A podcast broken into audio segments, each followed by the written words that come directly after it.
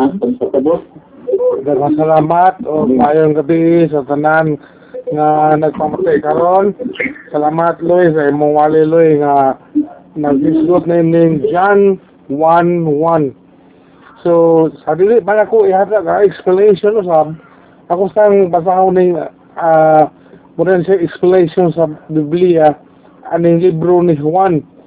Nagkanayon dili nga ang baayong balita may tungkol kay Hesus Kristo sumala ni Juan nagpalayag ni Jesus nga mao ang walay katapusang tulong sa Dios nga nahimong tawo ug mipuyo uban kanamo. Ang mong basahon nagingon nga kining maayong balita gisulat aron nga ang mubasa ni mutuo nga si Jesus mo ang gisaad nga manluluwas ang anak sa Dios aron pinagi sila ang pagtuo kaniya magapaton sila kinabuhi. Amen.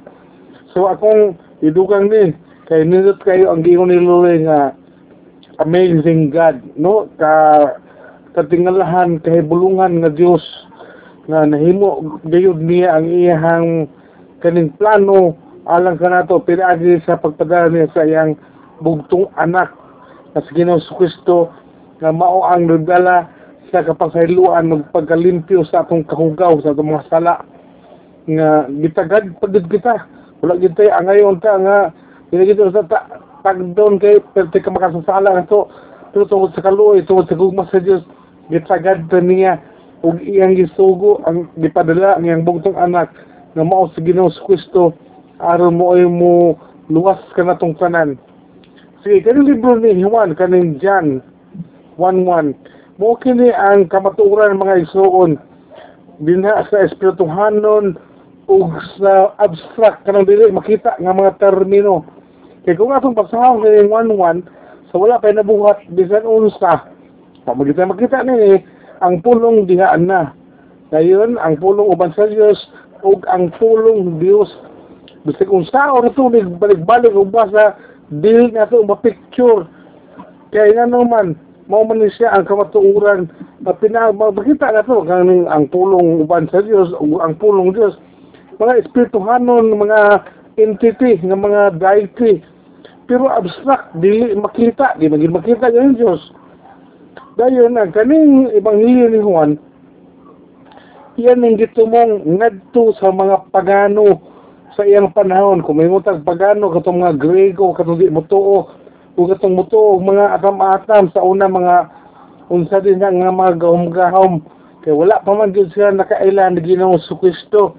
Daghan sila mga panghuna-huna nga ilahang ilahang gipang sunod ba nga matingala ta bisan karon aman sa atong panahon nga naay sunod ng mga tinuhuan ug mga konsepto nga ilang sundon nga para kanila mas epektibo pa kaysa kaning pagtuo nga atong gisunod gikan sa pulong sa Dios so in the beginning butang binal sa in English pa sa sinugdanan sa wala pa nabuhat bisan unsa mo kini mga iso nang naghulagway sa dako kay nga gahom nga gipagawas pinaagi dinha sa Espiritu Santo nga sa paghimo sa kalibutan sa una muna siya ang dakong gahom sa Dios ugay bersikulo nga ako ang nakitaan din mga isuon kulusa sa 1.18 ako din basahon sa mga Diyos kulusa sa 1.18 nagkanayon din eh nga siya ang ulo sa simbahan. Nga mao ang iyang lawas. Siya ang sinugdan. So muna he is the beginning. Siya ang unang gibanhaw sa Dios gikan sa mga patay aron siya ang mag-una sa tanang mga butang. So he siya si Jesus Christ is always the first the beginning. Mo siya. So ma ato gyud masuta o ato mahibawaan nga kinsa una si Jesus yun. So si Ginoo sa Kristo gitawag na siya og pulong. He is called the word.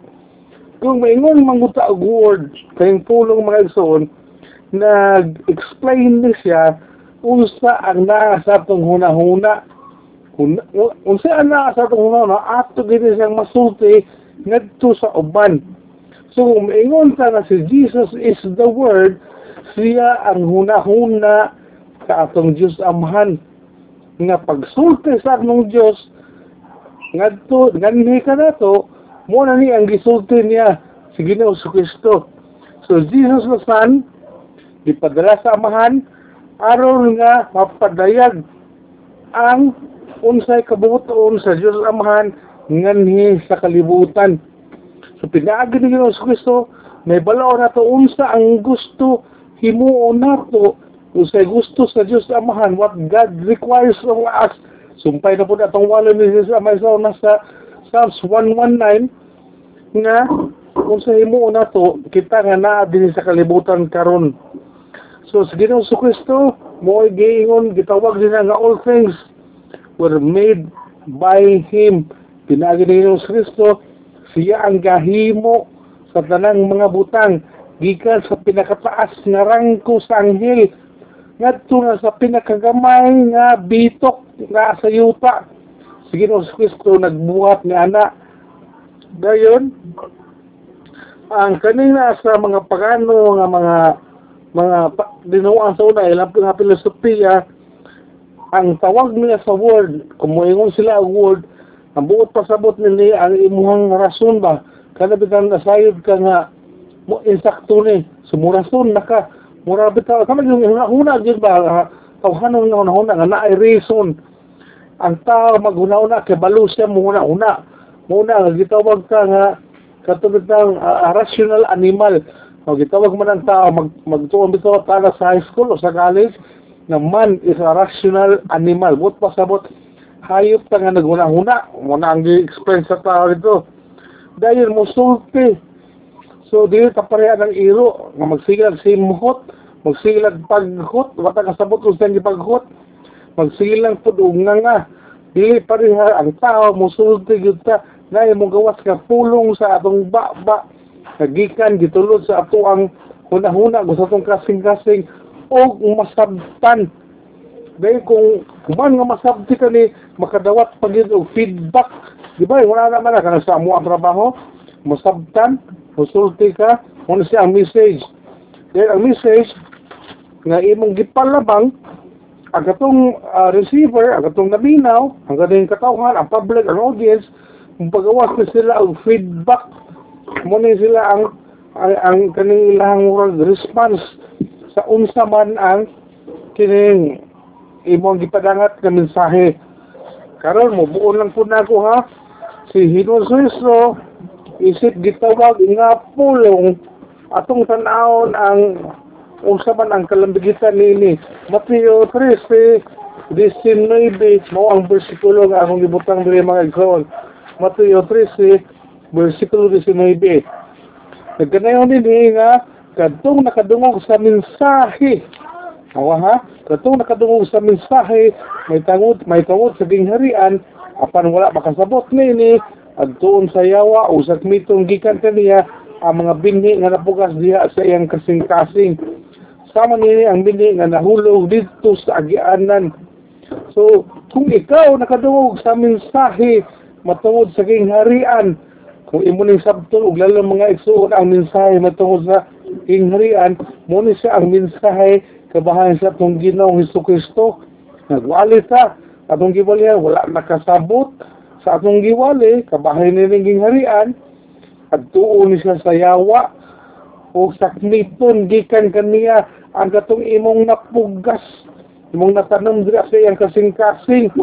So mahitabo na hinuon nga dili noon siya kasabot dili siya makadawat sa kining kaluwasan.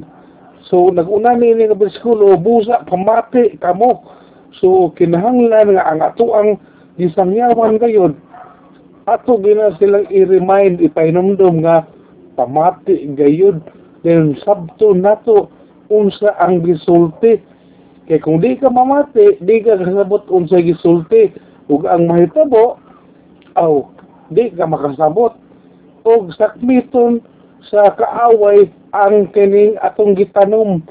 Pagsangyaw bahay ni Ginoos Kristo gikan sa siya kasing kasing ug mabutang na hinoon nga wala siya natunan. O pre ani mga wali na to? Di ta mamina og tarong di ta mo sabot kay murag kapuyan tingali ka nga dugay ta mga human dugay ang gawali laay paminawon pagbantay kay kanang sakmiton unya sa atong kaaway na atong pagsabot di na Ginoo ta makasabot. Muna nga magsige na lang panaway. Then magsige tag kauhaw nga dili ta mabusog Marcos 2.2 atong ibalhin dito sa Marcos 2.2 Aha, Marcos 2.2 nagkanayon din nga busa nanugok ang daghan kay mga tao. Nga tungod nini naguot sila. Bisan kani diya doon sa pultahan si Jesus nagwali sa maayong balita ngadto kanila. Na while Jesus is preaching the word of God maayong balita the good news alang sa mga tao pareha na to mga igsoon nga magwali ta kinahanglan dili man siya imong necessary gyud nga daghan pero maka-attract ang atong mensahe. Dili kita maka-attract ang atong mensahe maka-attract og mga tawo so pinagi nini makasabot ang mga tawo sa imong giwali. So mag, magwali ka atong tarong pagwali nga ang atong giwali nga migawasa dong baba katong yung iya nga gitudlo o gipasulti sa Dios dili ka magwali sa excuse me sa atong kuguling pulong.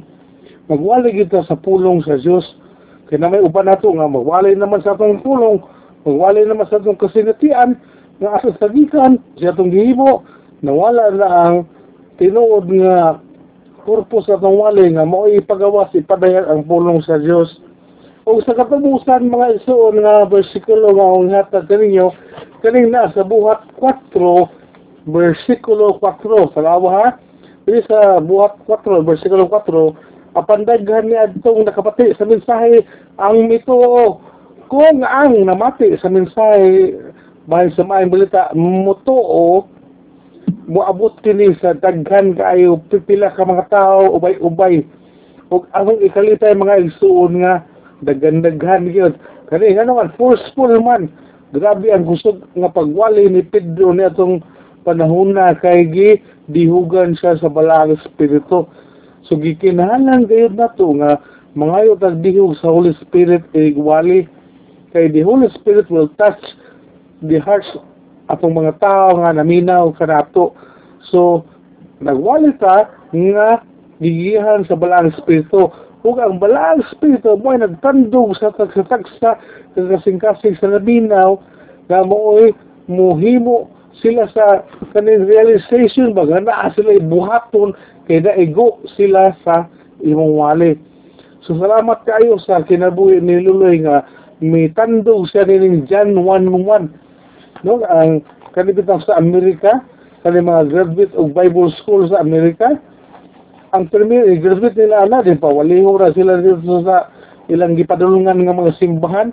Ang una gid nila iwali ani naagid kasagaran si John 1 kay mo man niya ang unang gi tun-an nila sa ilang Bible School. So angay man pod no atong i-atras niya? Atong i-atras ha? Ngano man nga importante ang pulong. Kung watras ka sa karaang tugon, ang pulong mismo daan na sa huna-huna sa mga Israelita. Kaya nga naman, kay niingon man, no, kanang dira sa Biblia dito, ug ang pulong sa Dios misulti kanako, no, and God said, na gina, and God said, ug ang Dios misulti So, ano kayo sila, dako kayo og importance kaning word. So, si John, wala man niya gi gi gi gi gi dari kaniyang sulatan sa mga Hebrewanon kundi ngadto sa mga Griego, mga pagano, mga dili matuhong na Griego, mga unbeliever lahi sila lahi ni sila nga mga klase sa tao pero iyang gigamit gihapon ang pagka-importante sa pulong. Eh, wala man gyud uh, Jesus is the Word. Kumingon og pulong sa Dios, si Jesus mo gina. Kumingon og Word, uh, gikan gina sa nahuna sa atong buhay nga Dios. Ug si Ginoo Kristo mo na siya ang hunahuna sa atong Dios. So nang hinaot tagampo ako karong gabi una nga nakasabot kita tanan ni ining giwala ni Luloy o kaning atong gidugang nga pagpasabot aron dili ka mawala sa sa mga pagbasa na to pungon pag-review na to og bahin ni ini nga si Jesus mao ang gitawag nga pulong kaning daghan na pagkaayo nga mga laing denomin- ah, sikta denomination nga dili sila muuyon nga kining naa sa John 1:1 nga word si Jesus ni. Kaya di man sila mo na Ginoong Kristo dili ato na sila ah, di na ato sala. Kaya kada sila buhon ang Diyos lagid ang bahala nila o manubag. Gila sila nganong wala nila giila ang anak sa buhay nga Diyos.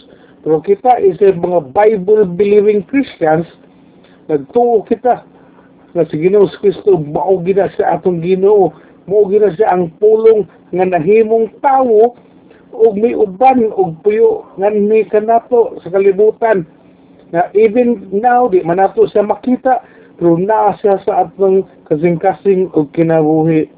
Amen. Oh, maayong gabi sa tanan. Salamat sa Ginoo. Ang tanang daw gimaya ialaman ug akong iuli sa nag-MC. Kinsa nag-MC? Oo, nanang